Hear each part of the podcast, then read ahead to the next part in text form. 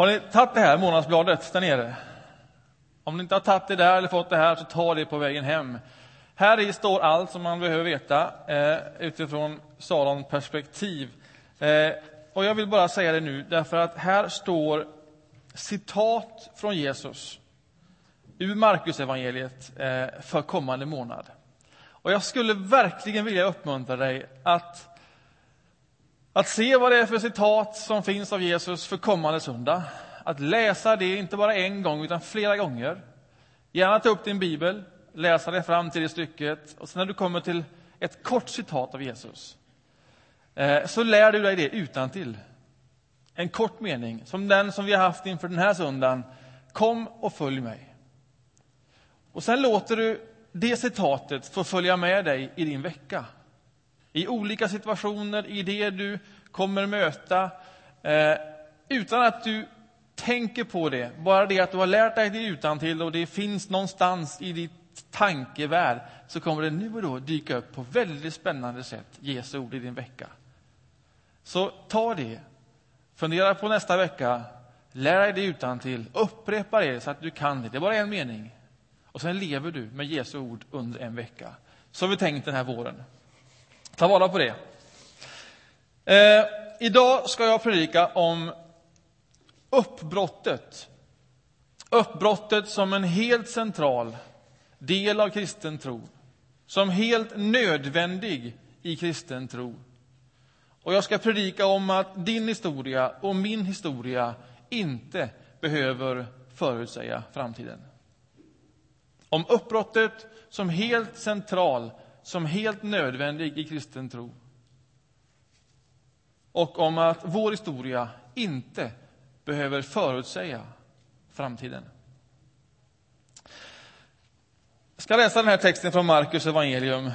Ehm, vi är fortfarande alldeles i början, första kapitlet, och från vers 16. Markus evangelium, första kapitlet, och från vers 16.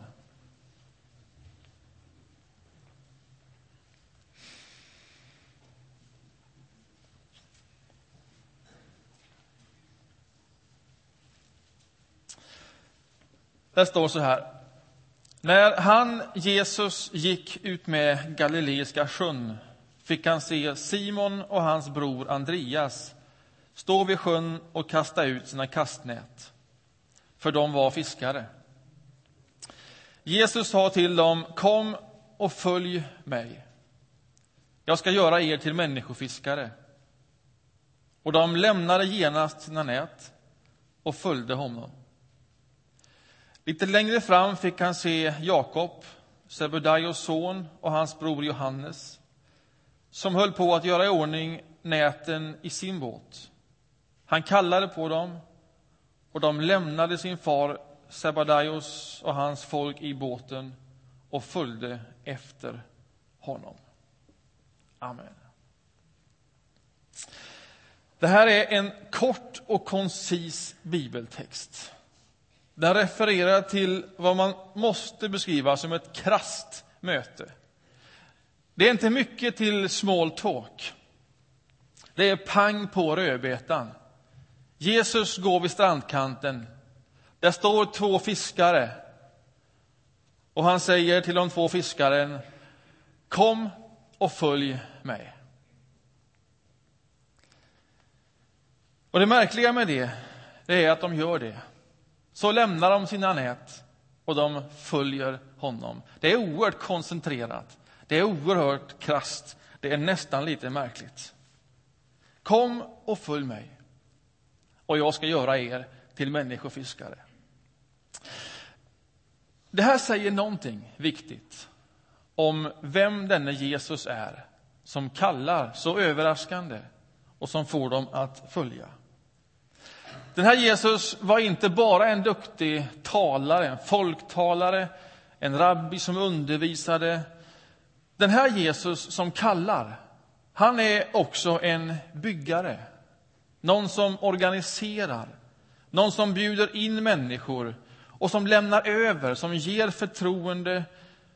Också ni ska fiska människor på detta sätt. Det ligger i kallelsen. Vad betyder det? Fiska människor. Ja, det betyder att bjuda människor in i Guds rike. In i det himmelrike som händer här och nu, om man får tro Jesus. In i Guds omsorg, in i Guds nåd och kärlek. Ett liv kan handla om väldigt, väldigt mycket. Olika saker. Försörjning är alltid en stor del av ett liv. Det här var två fiskare. Det var en stor del av deras liv. Och så är det med alla våra liv. Våra liv handlar om många olika saker. Och sen kommer Jesus in i det livet med en kallelse. Och det verkar som om för Jesus handlar alltid livet om människor. Det är alltid helt centralt för honom. Det handlar av människor. Så detta är överraskande, det är märkligt. Varför detta uppbrott? Varför går de bara på en gång med honom? Är det någonting som har föregått det här mötet som inte delges oss, som inte står där? För vem hade bara lämnat och gått? Eller var det dåligt fiske?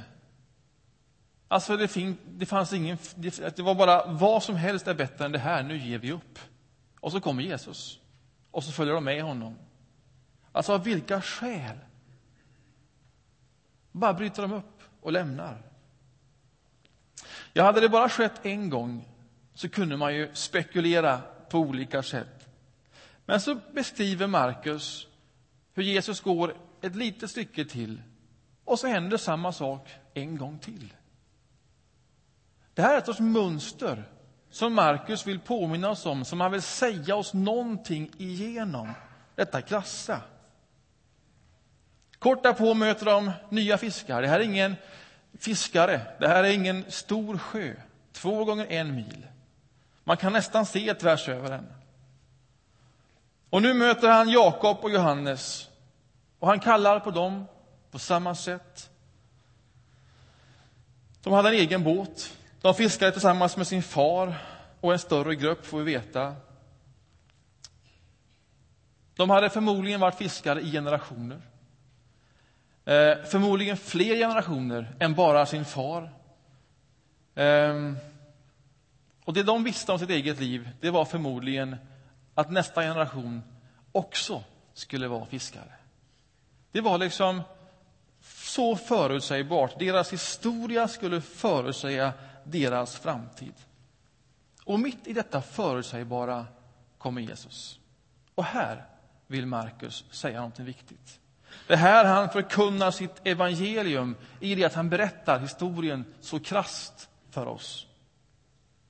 Med Jesus händer alltid någonting nytt. Att följa honom kan bara beskrivas som ett uppbrott. Som att bryta med det förutsägbara och det invanda. Men Jesus behöver inte längre historien förutsäga framtiden. Med Jesus händer någonting helt nytt. Det är vad Markus säger.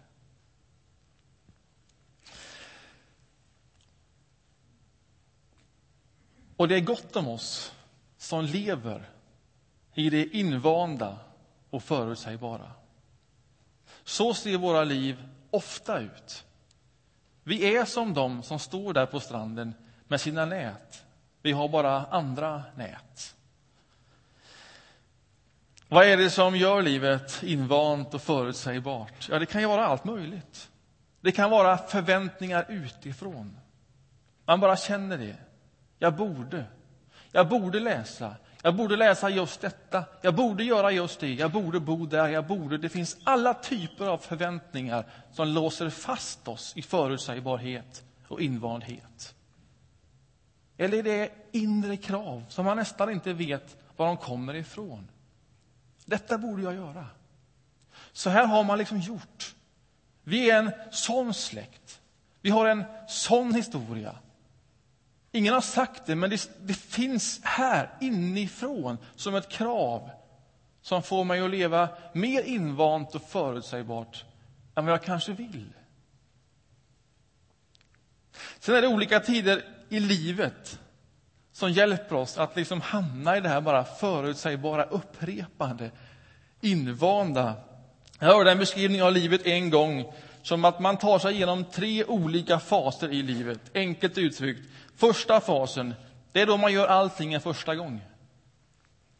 Alltså man får en första moped, ett första körkort, en första bil, en första tjej eller kille, en första lägenhet, en första utbildning, ett första jobb. Man byter jobb för första gången, man får ett barn en första gång. Allting är väldigt spännande, för allting sker hela tiden en första gång. Och sen tar man sig in i fasen då allting upprepas.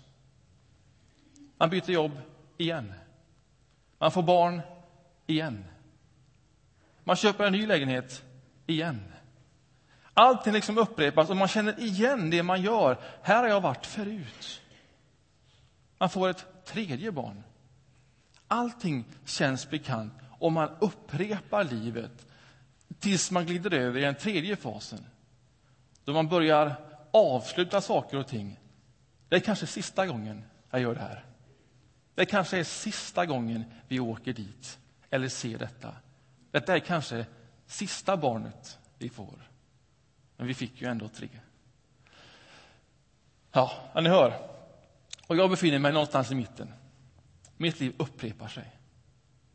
Och det finns något gott med upprepningen, därför att där bygger man ju också erfarenhet. Jag känner att ja, men nu börjar jag kunna detta. Nu vet jag lite grann vad det är att jobba som pastor efter tio år med det här gänget.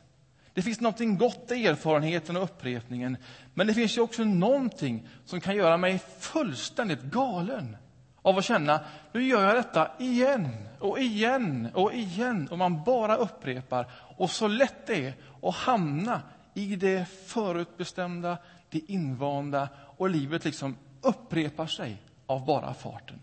För att just där är jag i mitt liv nu.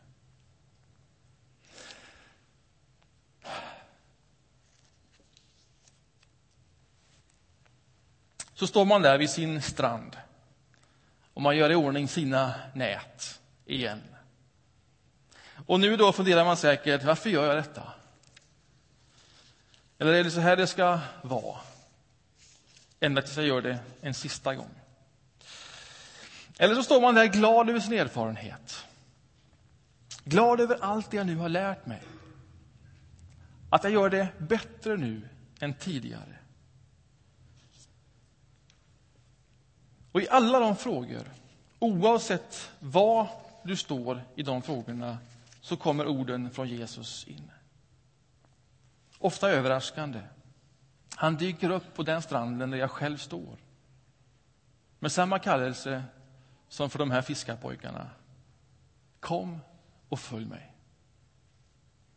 Jag ska göra dig till människofiskare. Och om han inte dyker upp, så bjud in honom det är en liten sjö.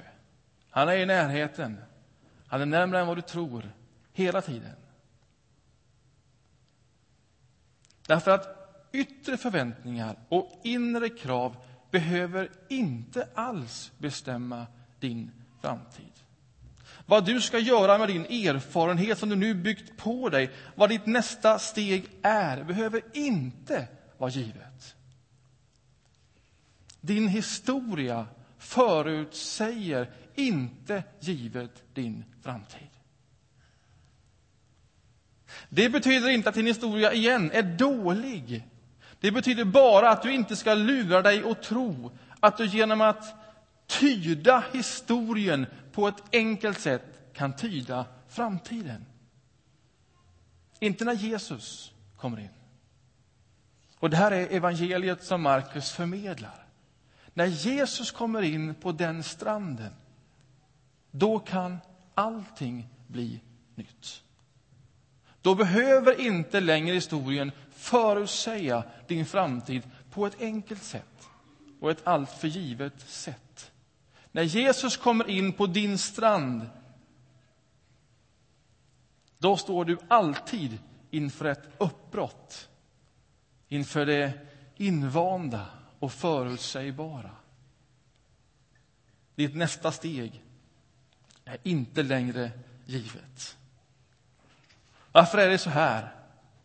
Ja, uppbrott, det är en helt central och helt nödvändig del i kristen tro. Och så har det alltid varit för Guds folk. Uppbrott har alltid varit ett av de främsta kännetecknen på Guds folk. Så var det för Abraham, så var det för Moses och listan är lång. Och det är inte bara så att det här är det främsta kännetecknet på Guds folk. Det är också ett kännetecken. Uppbrottet är också ett kännetecken på Guds omsorg om sitt folk.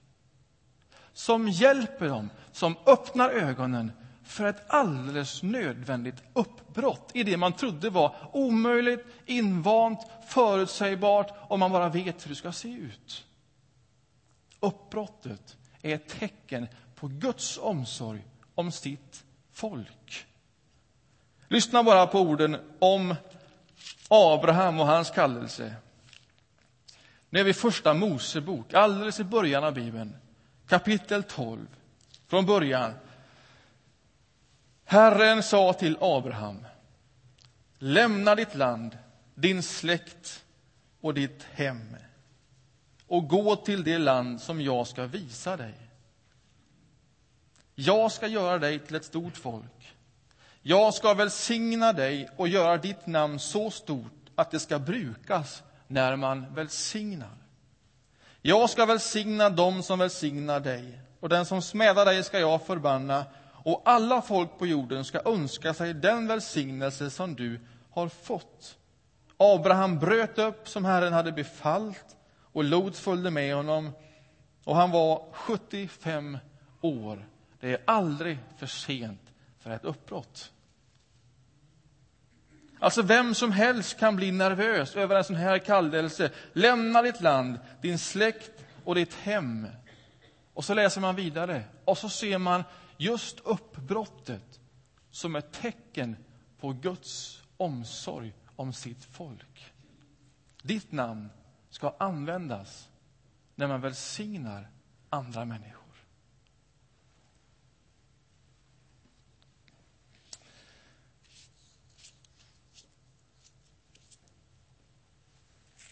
Så var det för Abraham, så var det för Moses som bryter upp från slaveri. En lång vandring mot frihet. Uppbrott får oss ofta att tänka på, i synnerhet när vi läser de klassiska uppbrotten i vår egen historia, i geografiska banor, att flytta någon annanstans. Och det kan man ju bli nervös inför. Men uppbrott behöver inte alls vara som hos Abraham eller Moses en, en ny plats. Fiskarna på stranden som Jesus möter och kallar Simon, Andreas, Jakob och Johannes. De bröt upp, men de gick inte långt. De traskade runt i samma områden där de var uppväxta. Och jag tror att uppbrottet för de allra flesta av oss vi som står knähögt i invandhet och förutsägbarhet. Jag tror att uppbrottet för de allra flesta av oss, det är att bryta upp och sen traska runt i samma miljöer igen. Och det är det svåra uppbrottet. Det är det svåra uppbrottet. Att bryta upp och ändå vara kvar. Du kan vara kvar i samma relationer, i samma arbete, i samma skola, i samma beslutsfattande, i samma ekonomi. Du kan vara kvar i din historia, i din förvärvade erfarenhet utan att det oreflekterat förutsäger ditt nästa steg. Du kan vara kvar i allt detta, samtidigt bryta upp och vara där på ett annat sätt, på ett nytt sätt. Därför att där du står, där har du mött Jesus Kristus som säger kom och följ mig. Hur är det möjligt? Ja, innan du tar ditt nästa steg, det som du tänker, det som är intuitivt och givet, innan du tar det steget, då lyssnar du på Jesus. Då har du lärt dig denna vers utan till. Kom och följ mig. Kom och följ mig precis där. Där på din strand, i ditt yrke, där du står i ditt eget liv. Kom och följ mig. Fäst blicken på honom, på Jesus. Precis där. Du behöver inte ta dig någon annanstans, utan där du står, fäst blicken på honom och så låter du nästa steg få handla om människor. Det är vad han säger. Fäst blicken på mig och låt nästa steg få handla om människor.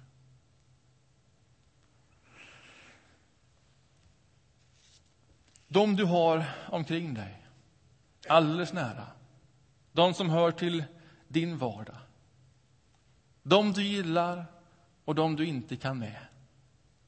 Fäst blicken på Jesus och låt ditt nästa steg få handla om människor. Då handlar ditt nästa steg om det som har ett bestående värde. Om människor med potential att få smaka på Guds rike, att få öppnade ögon, att få höra på ett nytt sätt, att få en ny frihet, att bli en fri och befriad människa. Fäst blicken på honom och låt nästa steg få handla om människor i din vardag. Och tänk om det händer genom ditt liv. Vad kan vara viktigare? Tänk om det händer genom ditt liv för att du hör Jesus ord. För att du har modet att bryta upp och ändå vara kvar. Och för att du låter honom organisera dig och bygga ihop dig med andra människor som också bryter upp på grund av samma kallelse för att samma Jesus står där med sina ord. Kom och följ mig. Jag ska göra dig till människofiskare. Kan ett liv bli vackrare än så? Kom och följ mig. Det är en kallelse till honom som genom sitt liv och ord gestaltar det han kallar för Guds rike, himmelriket.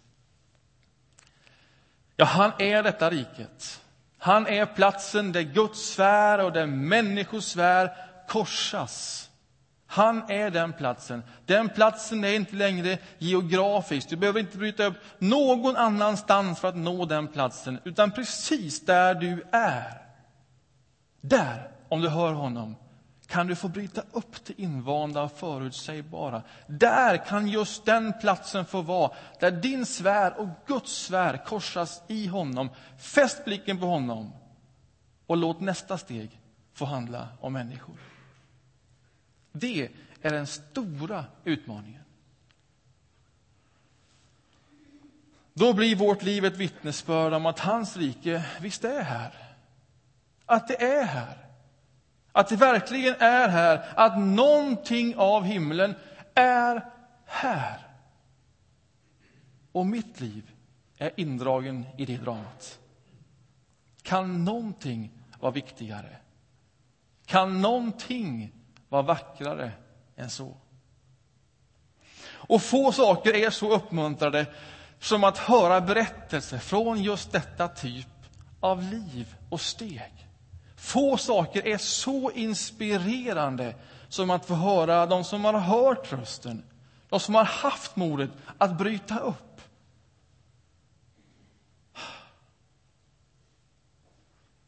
I fredags kom någon in på mitt rum här. Det var nog ett par år sedan vi satt så ner och talade. Och då satt vi ner och talade inför ett, ett sånt där livsuppbrott. Ni vet, man vet vad man har. Man vet vad man har för arbete och för trygghet. Men man vet också vad man drömmer om. Skapandet. Alltså, vad ska man göra? Vad ska man våga? Och vi hade ett långt samtal. Och så möts vi nu flera år fram efteråt. Hon glider förbi och säger, jag tänkte jag bara ville berätta för dig någon gång.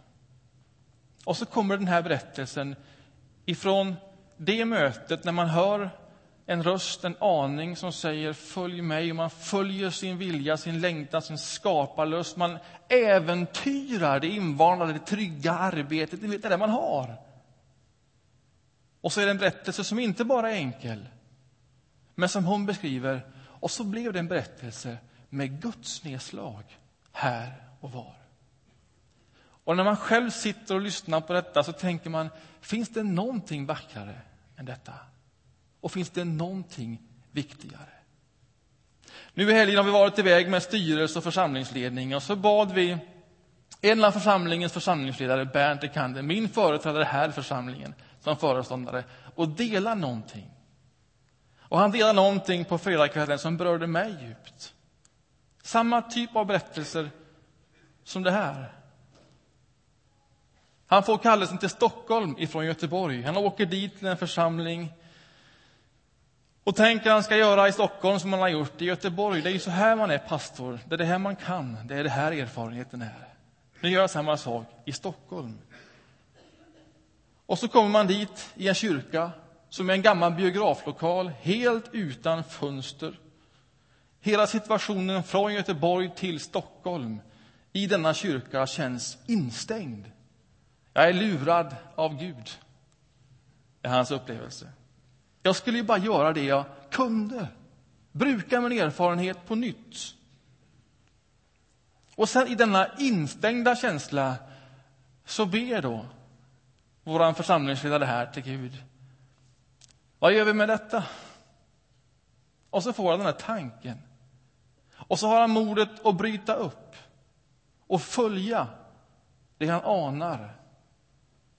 Och sen försöker han få ett bygglov på ett hus på Sergels torg. Den är god. Vem får ett bygglov?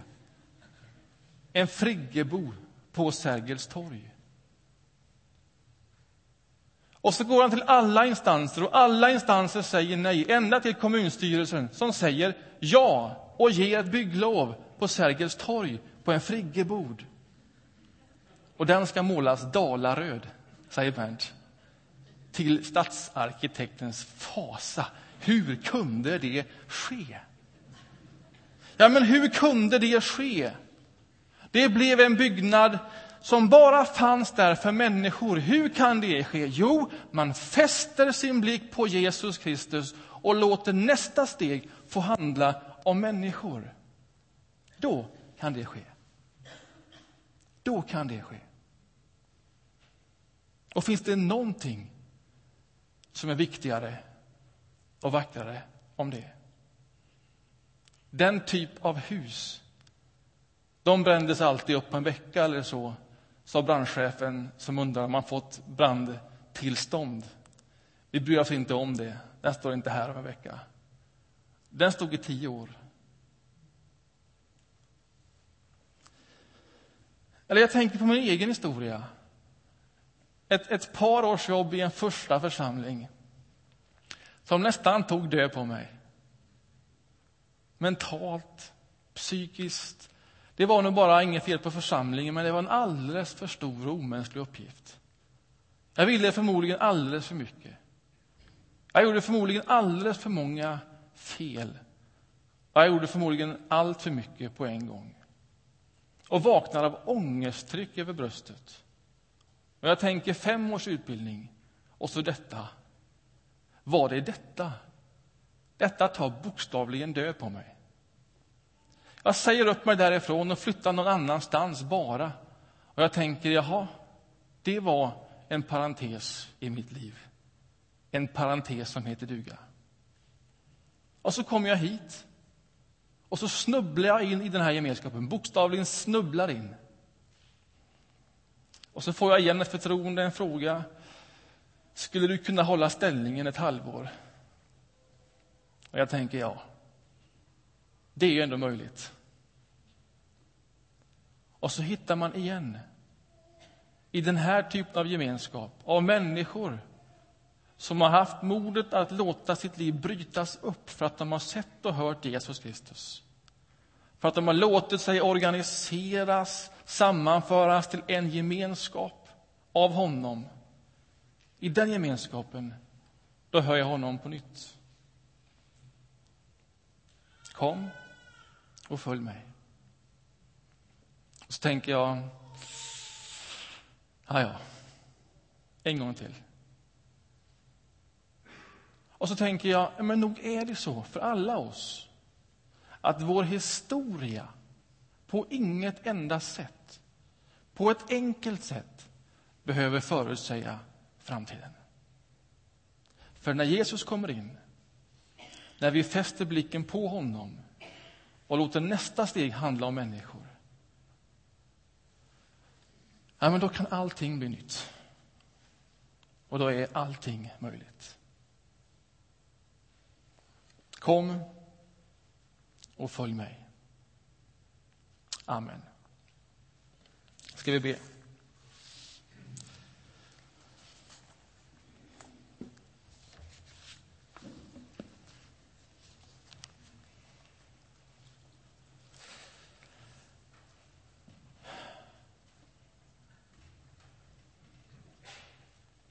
Jesus, tack för ditt ord. Tack för denna koncentrerade, kärva lilla berättelse. Tack för dessa krassa ord som kommer till oss mitt i livet, mitt där vi står. Mitt där vi kanske anar hur vår framtid ska bli. Tack att du kommer där. Och att när du kommer Ja, men då kan man inte längre så enkelt veta. När du kommer, då blir saker och ting annorlunda. När du kommer, då kan allting bli nytt. Då kan allting bli vackert och viktigt.